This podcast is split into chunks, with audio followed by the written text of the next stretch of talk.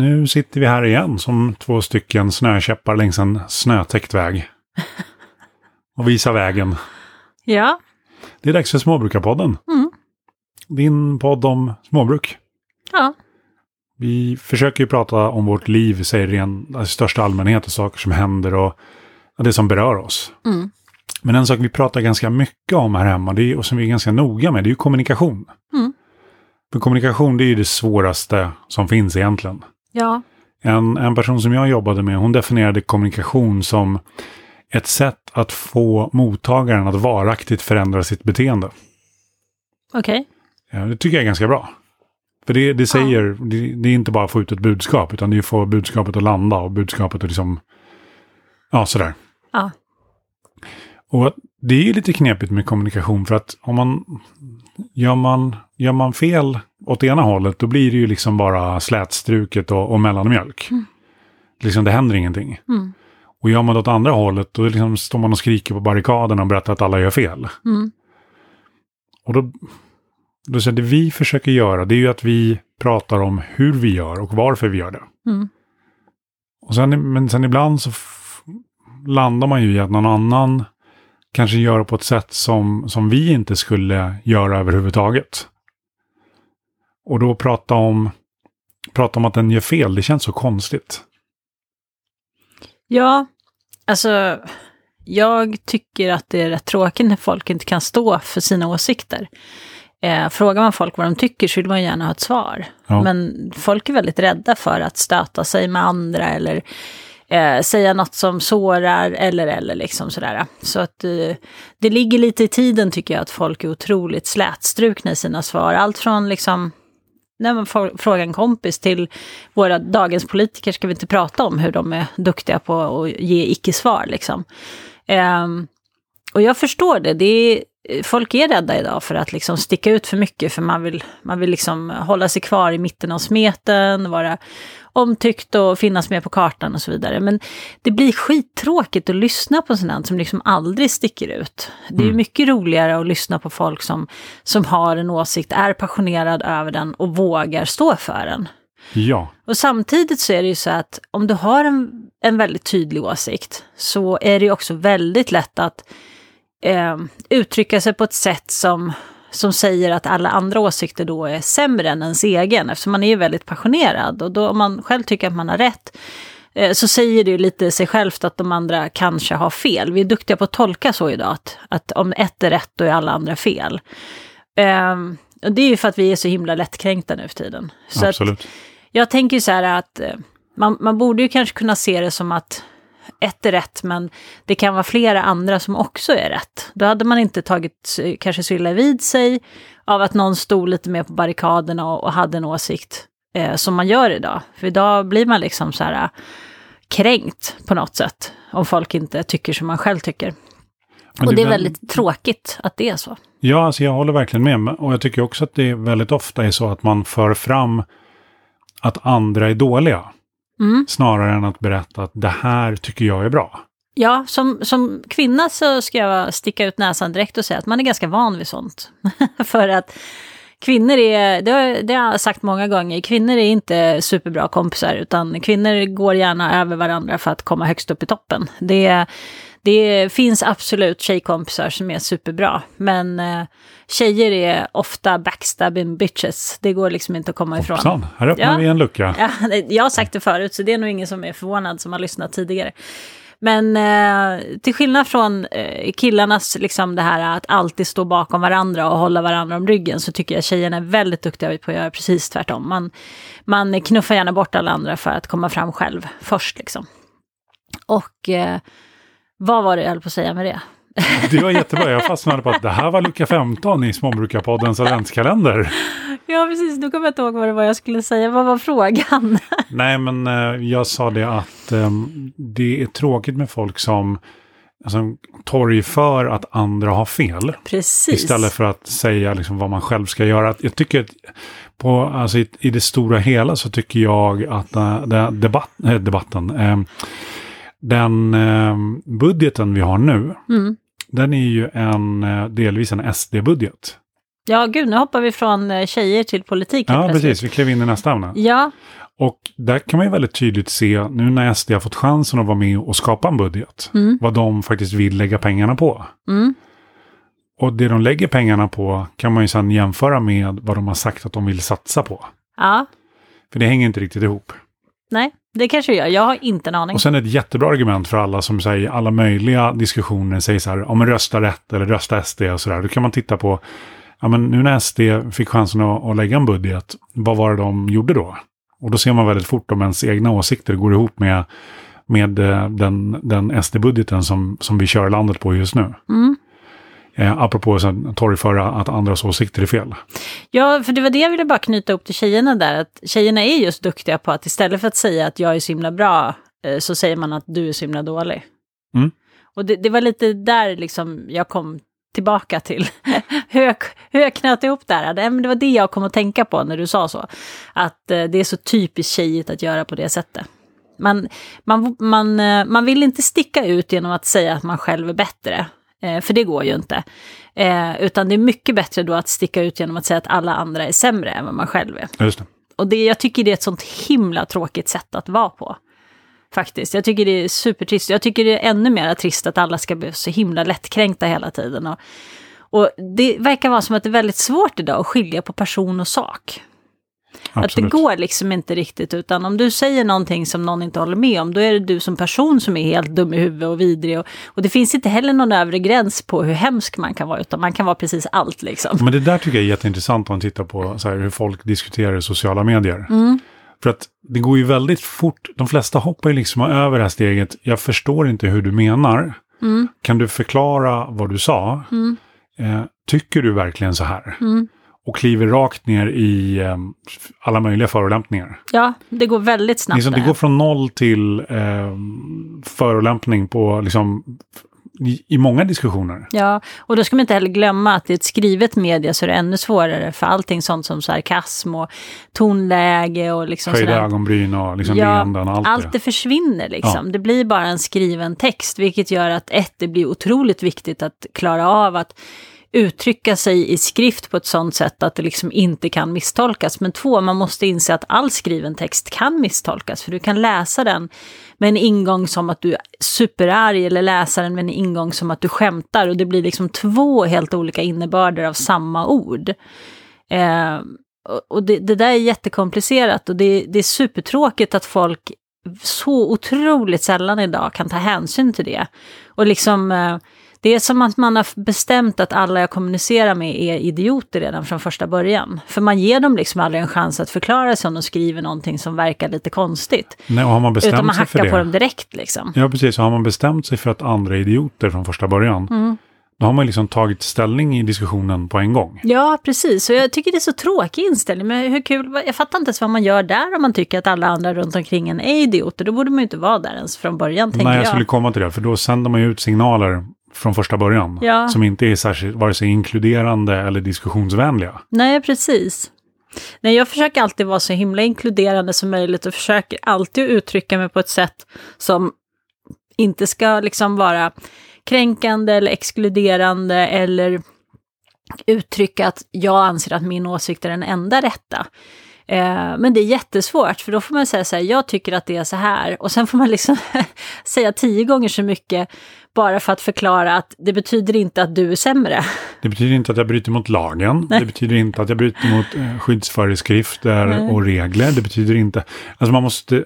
Det, det, det är också en sån här tråkig diskussionssak på nätet med att alla ska liksom hitta vad, någonting som är fel. Mm. Det är liksom, folk letar fel som om de fick belöning för det. Ja, precis. Jag såg senast idag så såg jag i en preppersgrupp såg jag någon som hade pass, pack, skrivit en packlista för paddling. Ja. Och eh, eh, det första kommentaren han hade fått, det var folk som berättade vad i listan som saknades. Han hade ju lagt upp listan som ett tips på hur man skulle kunna tänka om man ska ge sig, ut och paddla under kanske ett par dagar. Det här var hans packlista. Liksom. Eh, och han tänkte att det kanske skulle hjälpa någon som ville göra samma sak. Mm. Eh, ja. men, men de första kommentarerna var så här, men det där finns inte med. Och vad då ska du inte dricka något vatten eller? Du har inget vatten på listan. Och så vidare, och så vidare. Då blir man så här, ni har ju liksom inte ens förstått grejen med varför listan ligger där. Och jag menar, om man nu tycker att det saknas saker på listan, kan man inte skriva det som, jag, jag skulle ha skrivit, ska säga så här, men jag hade nog tagit med mig vatten också. Har du missat det på listan? Eller, liksom, ja, eller har du varför, vatten på något annat vatten på något annat Ja. ställe? Liksom, sådär. Så att, men det går inte, utan folk blir med en gång, ja, men det där finns inte och det där finns inte. Det där är fel. Ja, och det där är fel. Och då blir man så här, det känns ju så meningslöst då att lägga ut sådana inlägg från första början om, om det enda folk gör är att försöka sitta och hitta fel i dem. Men Det som jag försöker göra, som jag lyckas med ibland och som jag misslyckas med ibland, det är att välja glädje. Istället för att tänka så här, men det där är fel, det där är dåligt och så. Liksom att ha liksom en, en ja-sägande, glad approach till det hela. För jag tycker det gör så mycket med min egen själ. Ja. Därför att om jag går in liksom negativt med du är en idiot eh, approachen. Då blir jag ju så mörk själv i liksom, hur jag läser och tolkar och tänker. ja. Men om jag går in med, med glädje och liksom välkomnar saker, då, då, blir det liksom, då sätter jag mig på andra sidan på en gång. Jag tror att det är en del av problemet idag, att folk mår ofta ganska dåligt. Och de mår inte bättre av de här sociala medierna, för att ofta så sitter de där och känner sig kanske ännu mer otillräckliga eller ännu mer osynliga. Eh, och med den känslan som ingångspunkt så förstår jag att många av kommentarerna blir himla vassa och tråkiga och inte liksom tillför så himla mycket i diskussionen från första början. Så att det där är nog lite ett symptom på samhället också, hur vi mår idag tror jag. Att folk har väldigt svårt att gå in och känna sig glada, för det är kanske inte är så att de sitter när de är glada och mår bra, att de sitter med Facebook eller Insta och kommenterar eller någonting sånt, utan när de är glada och mår bra, då gör de någonting helt annat. Ja, faktiskt. Så att man, och jag tycker det är så viktigt då när man själv sitter där och känner sig nedtryckt av att man fått 20 supernego-kommentarer att komma ihåg att det nog kanske är så att folk inte alltid mår så bra och eh, folk inte bryr sig om hur de uttrycker sig och så vidare. och så vidare. Där är det ju verkligen att man själv lär sig skilja på sin person och saken för att det är väldigt lätt att ta åt sig och bli ledsen annars kanske för att folk är inte så himla trevliga. Absolut. Jag gjorde ju ett experiment för där jag, eh, där jag eh, kollade hur mycket C-vitamin som finns, finns kvar när man har kokat eh, granbar. Mm. För det är en sån här populär överlevnadsgrej att man ska hålla på med. Mm. Och eh, kort, väldigt kort så du kokar bort i princip all C-vitamin som Mm. finns. Det är, en kul, det är en kul aktivitet men det ger ingenting. Nej. Men när jag publicerade det så fick jag enormt mycket negativitet. Mm. För att jag ifrågasatte folks världsbild. Ja. Och det tycker jag alltid är lika intressant. Och det, det är inte det där att, jag har inte sagt att du gör fel. Mm. Jag säger bara att påståendet och så faktan i det stämmer inte. Mm. Men då tar folk det som ett personligt påhopp, som att jag har sagt att de är totalt Dumma i huvudet. huvudet. Ja, Ja. exakt. Vilket är, och det är som, kemin och fysiken ljuger inte. Nej. Det är, det, det är så otroligt tydligt och jag kan, det går att bevisa att det är på det sättet. Men då är det en sån här myt som folk tror på därför att folk har sagt det i alla tider. Mm. Och då när jag, när jag visade att det inte stämmer, då blev det liksom en otrolig negativ, negativ stämning. Mm. Ja, det är jättetrist när det är så. Hemskt tråkigt och på något sätt så är det ju liksom alltid så att de som sprider falska nyheter är hundra gånger fler än de som sprider sanna. Så det känns som att allting fylls av massa dravel ibland. Så man tänker så det här måste du förstå att det är bara bullshit. Men det verkar folk köpa gladeligen. Ja, alltså svammel och dravel och sagor, det, kan, det är ju jätteenkelt att producera. Ja. Men vi har ju roat mig med att bemöta, bemöta vissa föreningar och sammanslutningars felaktiga påståenden. Mm. Och där är det så här, det tar ju en mening, det kan ju ta en timme att skriva för att bemöta. Mm. Därför det är jättelätt att säga så här, A, A är eh, falskt. Mm. Men då måste man till att börja med här definiera vad är A, hur upplever vi A, eh, vad betyder falskt. Och så vi, sen leta massa forskning på det och så vi hittar Mm. forskningen som, som stöder deras påstående och så visar varför den är fel. Och så, det tar ju sån enorm tid. Ja, man orkar liksom inte. Ibland så bara tittar jag på dem och tänker stackars förtappade själar och så bara skiter i det. Ja. Men Vet eh, du, jag gjorde faktiskt det i en diskussion. Eh, där jag kände, jag sa det att det är, alltså, vare sig din mamma eller din pappa har kunnat tala förstånd med dig. Så det finns ju ingen chans att jag kan tala förstånd med dig. Mm. Så jag lägger ner. Mm. Och så var det klart. Ja. I vissa fall så går det ju inte. Nej. Nej, jag tycker man ska komma ihåg att man har eh, konsumentmakt även i sociala medier faktiskt. Man väljer ju själv vad man vill se i sitt flöde. Eh, genom att kapa eh, i sitt flöde lite nu och då, ta bort folk som är väldigt negativa eller som man upplever liksom, ja, inte tillför ens liv någonting överhuvudtaget. Det är ju bara kapa kapa på det. det. Ni kan vara vänner privat fast att du inte har dem på Facebook. Om det är så att den här personen är himla trevlig när du träffar en IRL. Vilket många ofta är, men eh, på, på sociala medier sen så helt plötsligt så ser man en annan sida och det kan bero på så otroligt många saker. De kanske är dåliga på att kommunicera i skrift, de kanske inte bryr sig om hur folk läser det de skriver. Eh, eller när de sitter med sociala medierna så mår de inte bra själva och då mm. kommer det bara ut bajs liksom. Så att eh, man kan absolut ha vänner eh, IRL som man inte har på sina sociala medier. Så jag ja, känner absolut. så här, är det så att det är någon som ofta tillför negativitet i din vardag, så kapa direkt, bara ta bort det. Eh, du kan ju göra det på jättemånga olika Där sätt. Där kommer man ju tillbaka till det som jag sa med välja glädje. Mm. För att om du har en person, så när den postar, och du känner så här, ja ah, men det här var roligt, eller det här var bra, eller det här intresserar mig, eller utmanar mm. på ett bra sätt. Mm. Då är det ju någon som liksom tillför någonting. Ja. Men om det är en person eller någonting som postar och det enda man känner så här, eller orkar inte, eller mm. men nu igen, eller mm. det är bara fel. Mm. Det, det, det, tillför ju ingenting. Nej. Um, så det är en jättebra strategi, alltså det är ett superbra tips. Ja, det som jag har sett några gånger i, i grupper på Facebook faktiskt, som jag upplevt som lite nytt, det är framförallt kanske i typ eh, virkgrupper och sånt. Eh, ofta när det rör sig om en specifik eh, designer kanske, för många designers släpper ju mönster och, och så har de kanske en grupp för bara sina mönster där folk kan ställa frågor och, och mm. liksom ja, virka tillsammans på distans och sånt.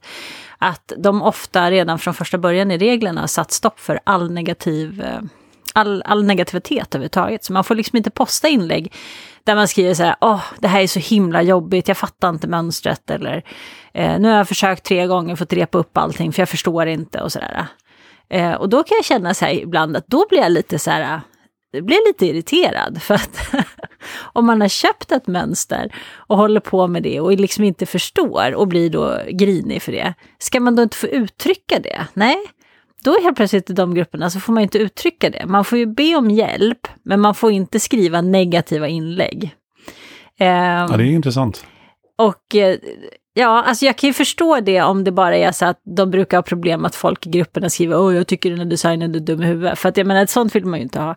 Men om det liksom finns substans i det, tänker jag så, om man är negativ av liksom en rimlig orsak, då kan man ju bli lite stött för att man helt plötsligt då inte får vara det. Ja, men du får ju, vara, du får ju vara stött och alltihopa, men in, just inte där. Just inte där, precis. Men det är kanske precis just där man vill vara det. Ja. Nej, men de flesta verkar ju också tro, nu är vi inne liksom på grupper på Facebook så här specifikt, men de flesta verkar tro att det är någon form av mänsklig rättighet att vara medlem i en grupp. Ja, det där är ju också jätteroligt. Men det är så här, om du inte gillar gruppen, gå ur. Ja, om precis. du inte gillar admins, gå ur. Ja. Om du av någon anledning inte känner att det är rätt grupp för dig, gå ur. Ja, precis. Och du kan ju starta 50 egna grupper om du känner för det, att prata med likasinnade om samma ämnen. Det finns ju ingenting som förbjuder dig att starta en egen grupp. Men, eh, men du kan liksom inte kräva att du ska ha rätt att styra i någon grupp som någon annan har startat. För den som startar gruppen har ju ensamrätt på mm, gruppen. Mm, så enkelt är det liksom. Och där tycker jag en, en grupp som modereras oerhört bra, mm. det är Köttkoma-gruppen. Mm. Det är väl 90 000 medlemmar nu tror jag. Ja. Så det är en stor grupp. Ja.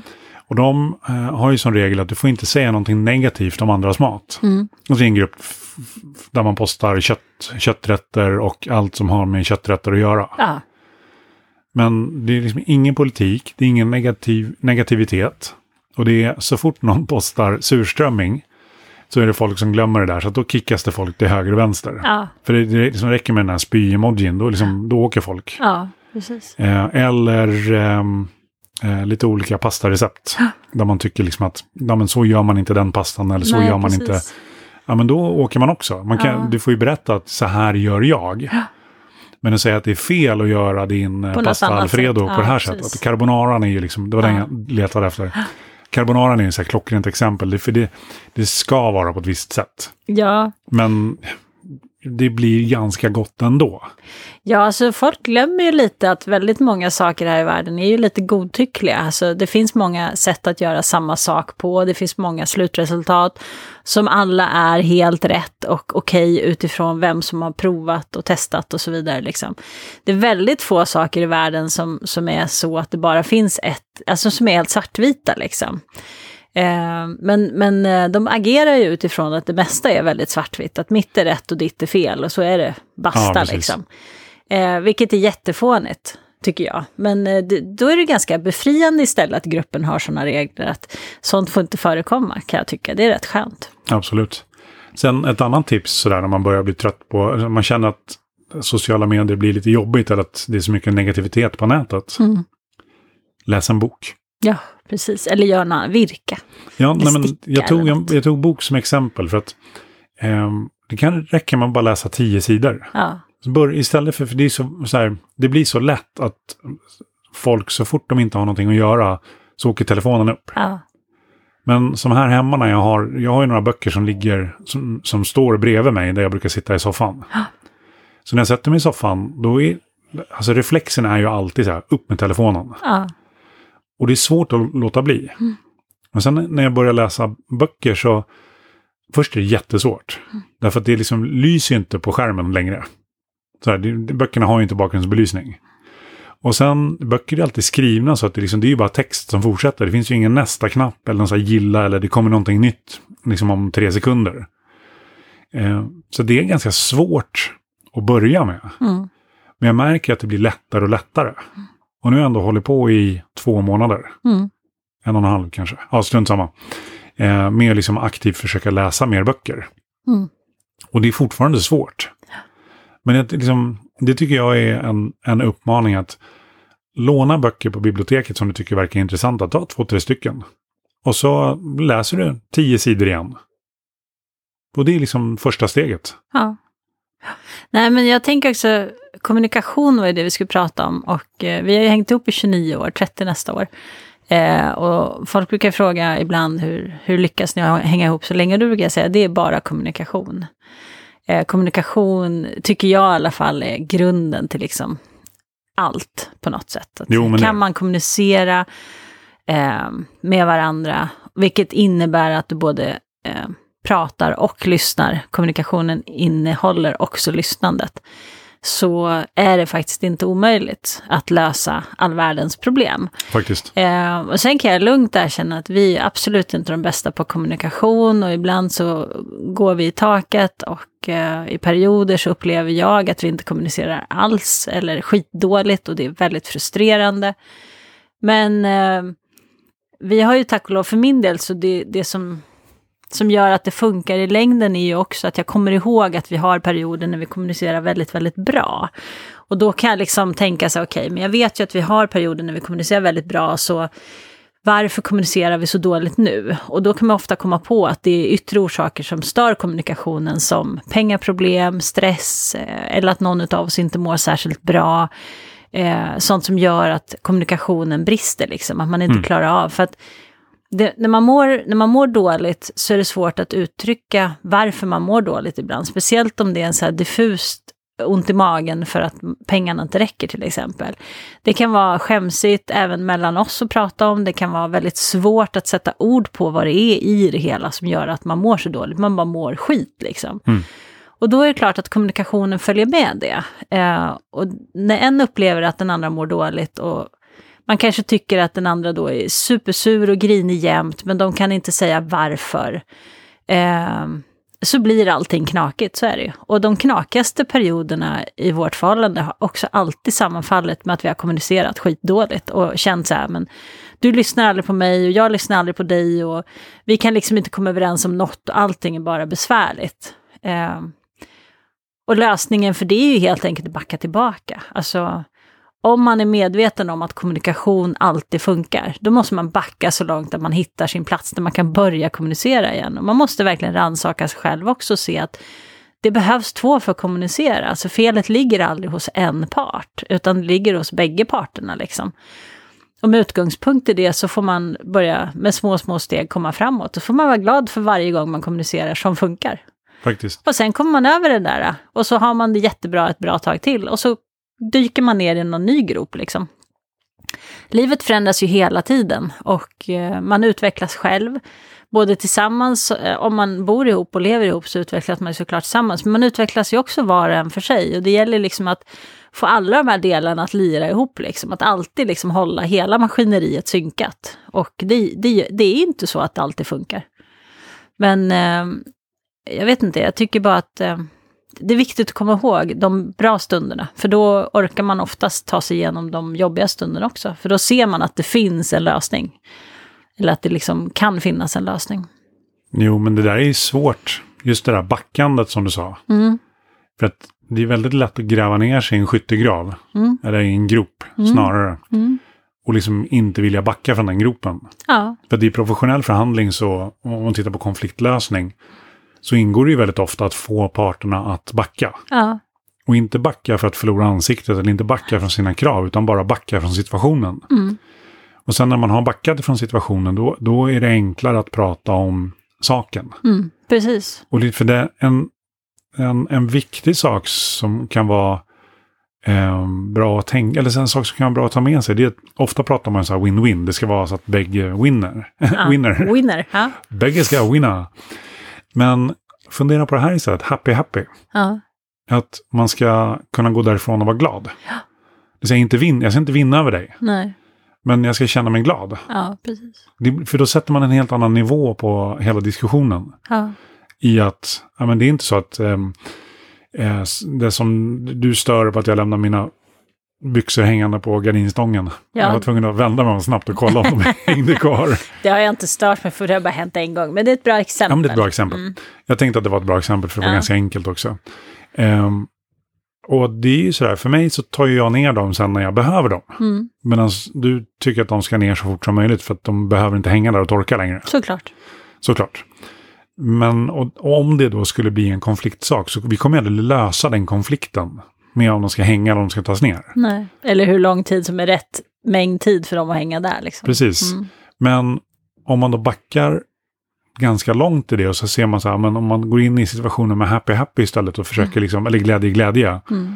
och försöker se sådär, men istället för att du ska vinna, för du, det enda sättet du kan vinna, det är ju att jag tar ner de här på en gång. Mm.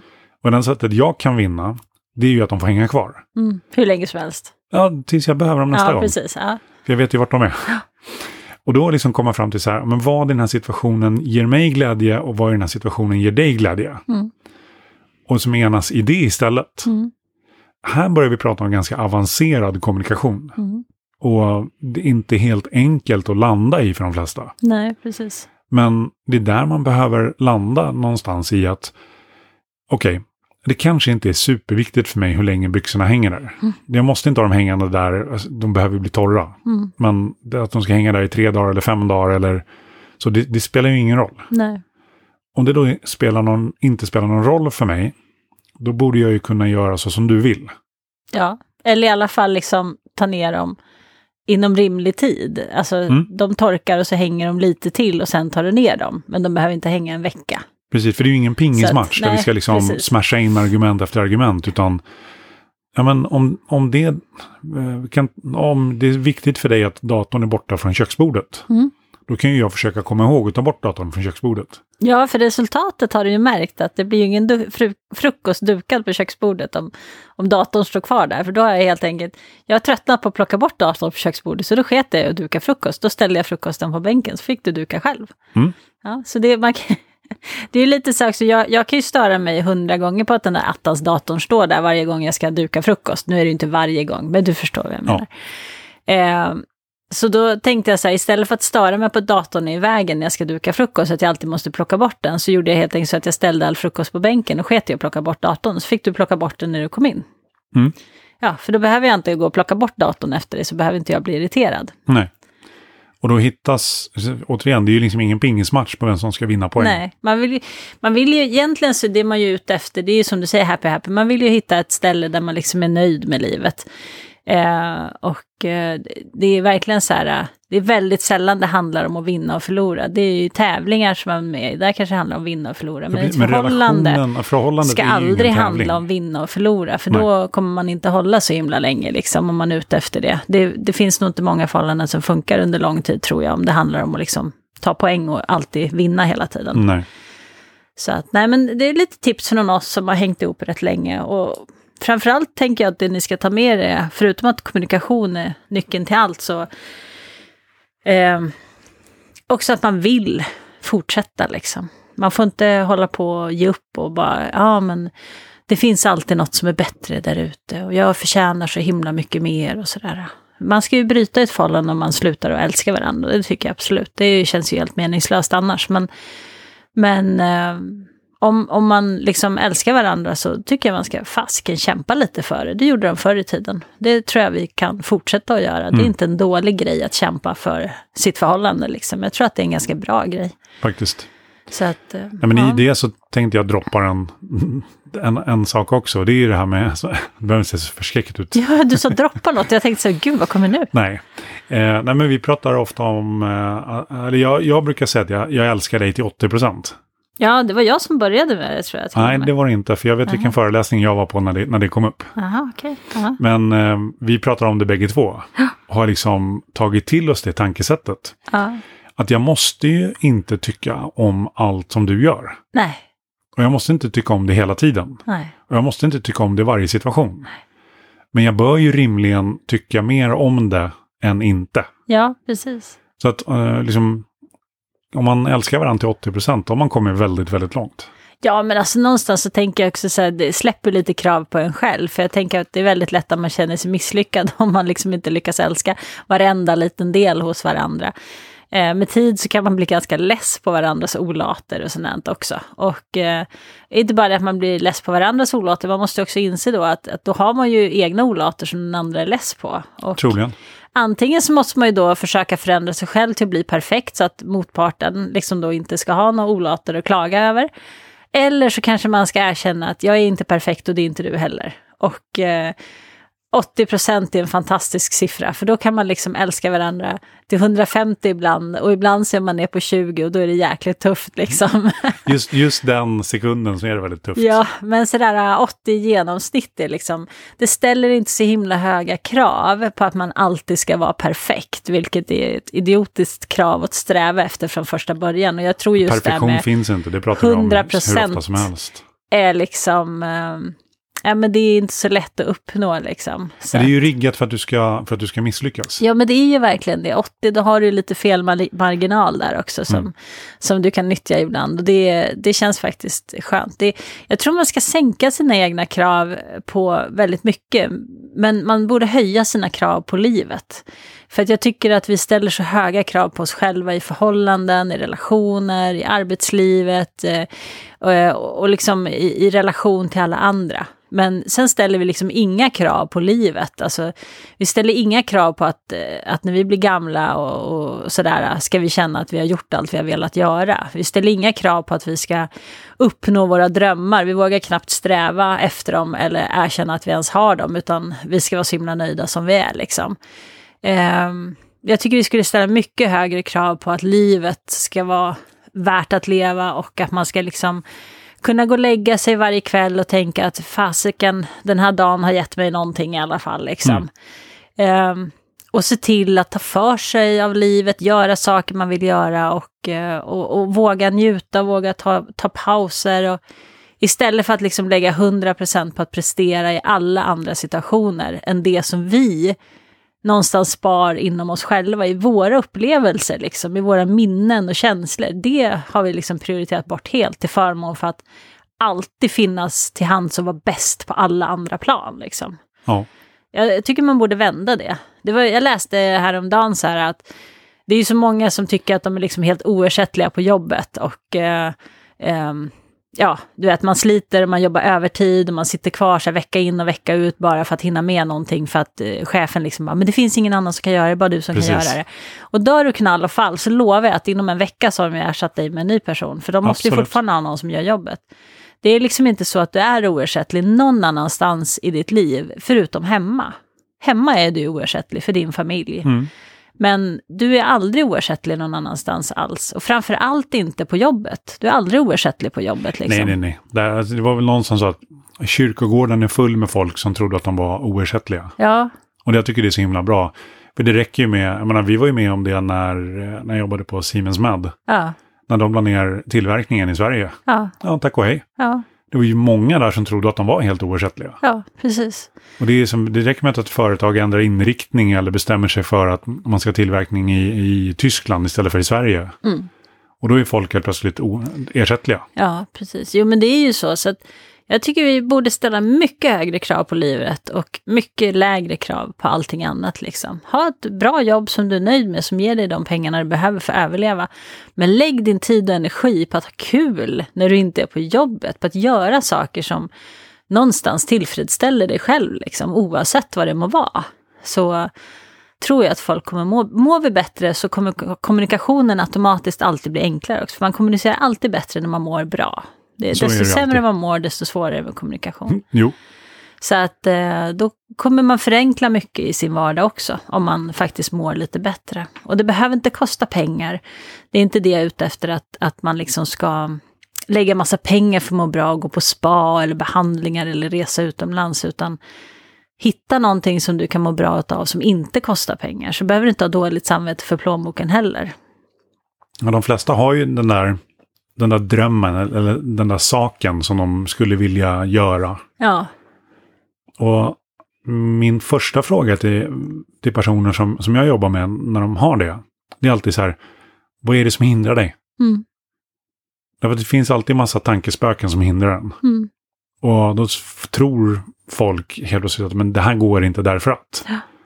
Och liksom försöka jobba, istället för att sätta sig med sociala medier en kväll, så lägga en halvtimme på att komma närmare det här, det här vill jag göra, det här vill jag uppnå. Ja, precis. Ja, jag menar det är ju som... Jag har ju träffat på folk också som har velat göra samma resa som vi har gjort, lämna stan för att flytta ut liksom i ödemarken eh, och så. Av många olika orsaker. Och så kanske de inte kan det för att de har små barn och det blir väldigt knepigt med skolor och framförallt kanske om barnen har eh, större behov av sjukvård som härifrån sett ligger väldigt långt bort och så vidare. Och då köper jag det. Det kanske inte går att göra det precis just nu. Men det kommer ju en tid när du kan göra det, så släpp inte drömmen bara för att den inte går att genomföra precis idag. Utan du kanske kan göra om fem år eller om tio år. Och då hinner du planera jättemycket nu redan tills dess på hur du skulle vilja göra, vart du vill ta vägen, hur du vill ha det. Du hinner till och med förbereda ungarna på att förr eller senare kommer det komma en flytt. Ni kommer inte alltid vara kvar här i stan liksom. Nej, precis. Och Så också att, eh, liksom att börja ja, men prova på det livet i sådana fall. Ja, men precis. Passa på när det går, liksom, på kanske någon semester eller någonting sånt och se eh, hur det känns att hamna någon annanstans än i en stad. Men, men jag köper det. Det är klart att alla säkert inte kan. För ibland har man inte ekonomiska möjligheter eller praktiska möjligheter. Man kanske har en väldigt gammal och sjuk förälder som man absolut inte kan lämna. Men förr eller senare så kommer en chans när man får möjlighet. Och då kan man ju ta den sen. Om man liksom har bestämt sig för att när jag får chansen då ska jag göra det här. Ja, för då, det är ju lite ens egen skyldighet också, alltså en kratta framför egen dörr. Så att när, det är, när den här chansen väl infinner sig så, så ser man chansen och kan ta chansen. Ja, precis. För det är så, det är så tråkigt annars om man liksom ja men det jag har alltid velat göra det, men det har aldrig gått. Och så blir man säga, ja fast det har ju kanske gått någon gång, men du har inte riktigt vågat heller. Så att det är ofta en kombination av att man inte kan och att man inte riktigt vågar. Ja, och sen de flesta verkar ju ändå ha tid för sociala medier i sitt liv. Mm. Och de flesta verkar också ha tid för att titta på tv. Ja, Om man tar bara en liten, liten del av den tiden och lägger på att nå sitt, sitt mål, eller liksom jobba med sitt mål, mm. då kommer man ju så otroligt mycket närmare. ja så är det absolut. Ja, Ja, nu sitter men- vi och tittar på vår katt som ligger på eh, hundens tröja framför tvn. Ja, precis. Hon har satt sig sådär så att man kan liksom inte låta bli att titta på henne. Hon är Nej. jättenöjd där uppe på tv-bänken. Och det är roligt för vi ska inte ha innekatter eftersom jag är allergisk mot katterna. Jag får ju käka allergitabletter nu när det är kombination av kallt väder, torr luft och katter inomhus. Men de är ju så söta och de gillar inte riktigt att gå ut när det är så kallt och så är det snö överallt och sådär. Så. Ja, så det blir ju så. Det blir lite mycket innekatt kanske. Ja, fast du, jag ser nu att det är dags för henne att gå ut. Det är bara minus sex ute. Ja, jag, jag har slängt ut henne så många gånger och det brukar ta ett par, tre minuter så hon bajsat, kissat och kommit in igen. Ja, Så, men just idag har temperaturen varit helt bananas. Ja, Det är så eh, 11 minusgrader mindre än vad det var tidigare idag. Det var Mm. minus 17 förut. jaha, var det så pass mycket? Ja, Jaha, det var värst. så det, och nu är det minus 6. Ja, det, det svänger fort. Ja, det gör det. Sådär. Nej, men det var det om kommunikation. Ja, jag Tänkte tycker vi jag. har kommunicerat klart. Jag tycker vi har Så kommunicerat klart också. Jag hoppas att ni fick någonting vettigt att ta med er. Jo, en sista grej, på tal om kommunikation. Konsumentmakt tänkte jag bara ta upp en gång till. Konsumentmakt är ju Ja, liksom okej, konsumentmakt. Ja. att, att våga liksom eh, ta ställning eh, i andra lägen också. Det vill säga, om du inte gillar någonting så köp inte in på det liksom. Jag har ett jättebra exempel på det. Mm.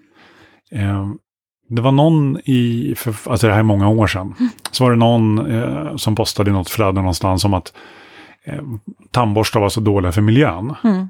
Och det var lång rant om det och sådär. Den här personen är väldigt, eh, jag säger miljönörd. Mm. Jag tror att alla har en sån i, sitt, i sin familj. Eh, och den personen föreslog då bambutandborstar istället. Och sådär, så visst, så, sen så tog det ett tag och så bestämde jag mig för att ja, men nu, nu är det dags att köpa en ny tandborste. Så då köpte jag en bambutandborste. Och då fanns det en tandborste. Liksom i en storlek, i en färg. Det var liksom en som fanns. Så jag använde den här tandborsten och var ganska nöjd. Och liksom, ja, men tänderna blir ju rena. Sådär. Så det är en ganska enkel, enkelt val att göra när det är någonting som är bättre. När jag skulle köpa eh, bambutandborsten nästa gång. Då fanns det hård, medium och mjuk. Det fanns stor och liten. Det fanns massa olika färger. Och det visar liksom att konsumenten, från första början så fanns det knappt i butik. Och sen så fanns det lite grann. Och sen när konsumenterna då kunde köpa lite grann så fanns, öppnades en mycket större marknad för att köpa mera. Och då helt plötsligt så finns det i mängder av urval i storlek och färger och allt möjligt. Det tycker jag är ett jättebra exempel på konsument, konsumentmakt. Mm, absolut. Och jag tänker också att om du saknar något i din lokala butik så du kan alltid be dem att ta in den produkten. I många fall så gör de faktiskt det. Det är också konsumentmakt, att inte bara gå omkring och gnälla för att ditt favoritmärke på någonting inte finns just där du kan handla. Utan fråga, prata med dem. Och det, då är vi liksom inne på konsumentmakt i kombination med kommunikation. Att om du aldrig säger att det är någonting du tycker är fel, då är det ju ingen annan som vet om att du tycker att det är fel eller dåligt eller vad det nu kan vara. Så lika mycket som, som eh, du tänker att du gnäller i ditt huvud och bara tycker allting är skitdåligt, så uttryck det till någon som, som kan påverka det också. Säg att det är fel eller att det är dåligt, eller säg för all del att jag tycker att det är fantastiskt bra också om det är så det är, för det är ju precis lika viktigt. Man har alltid makten liksom var man lägger sina pengar och den är mycket större än man tror.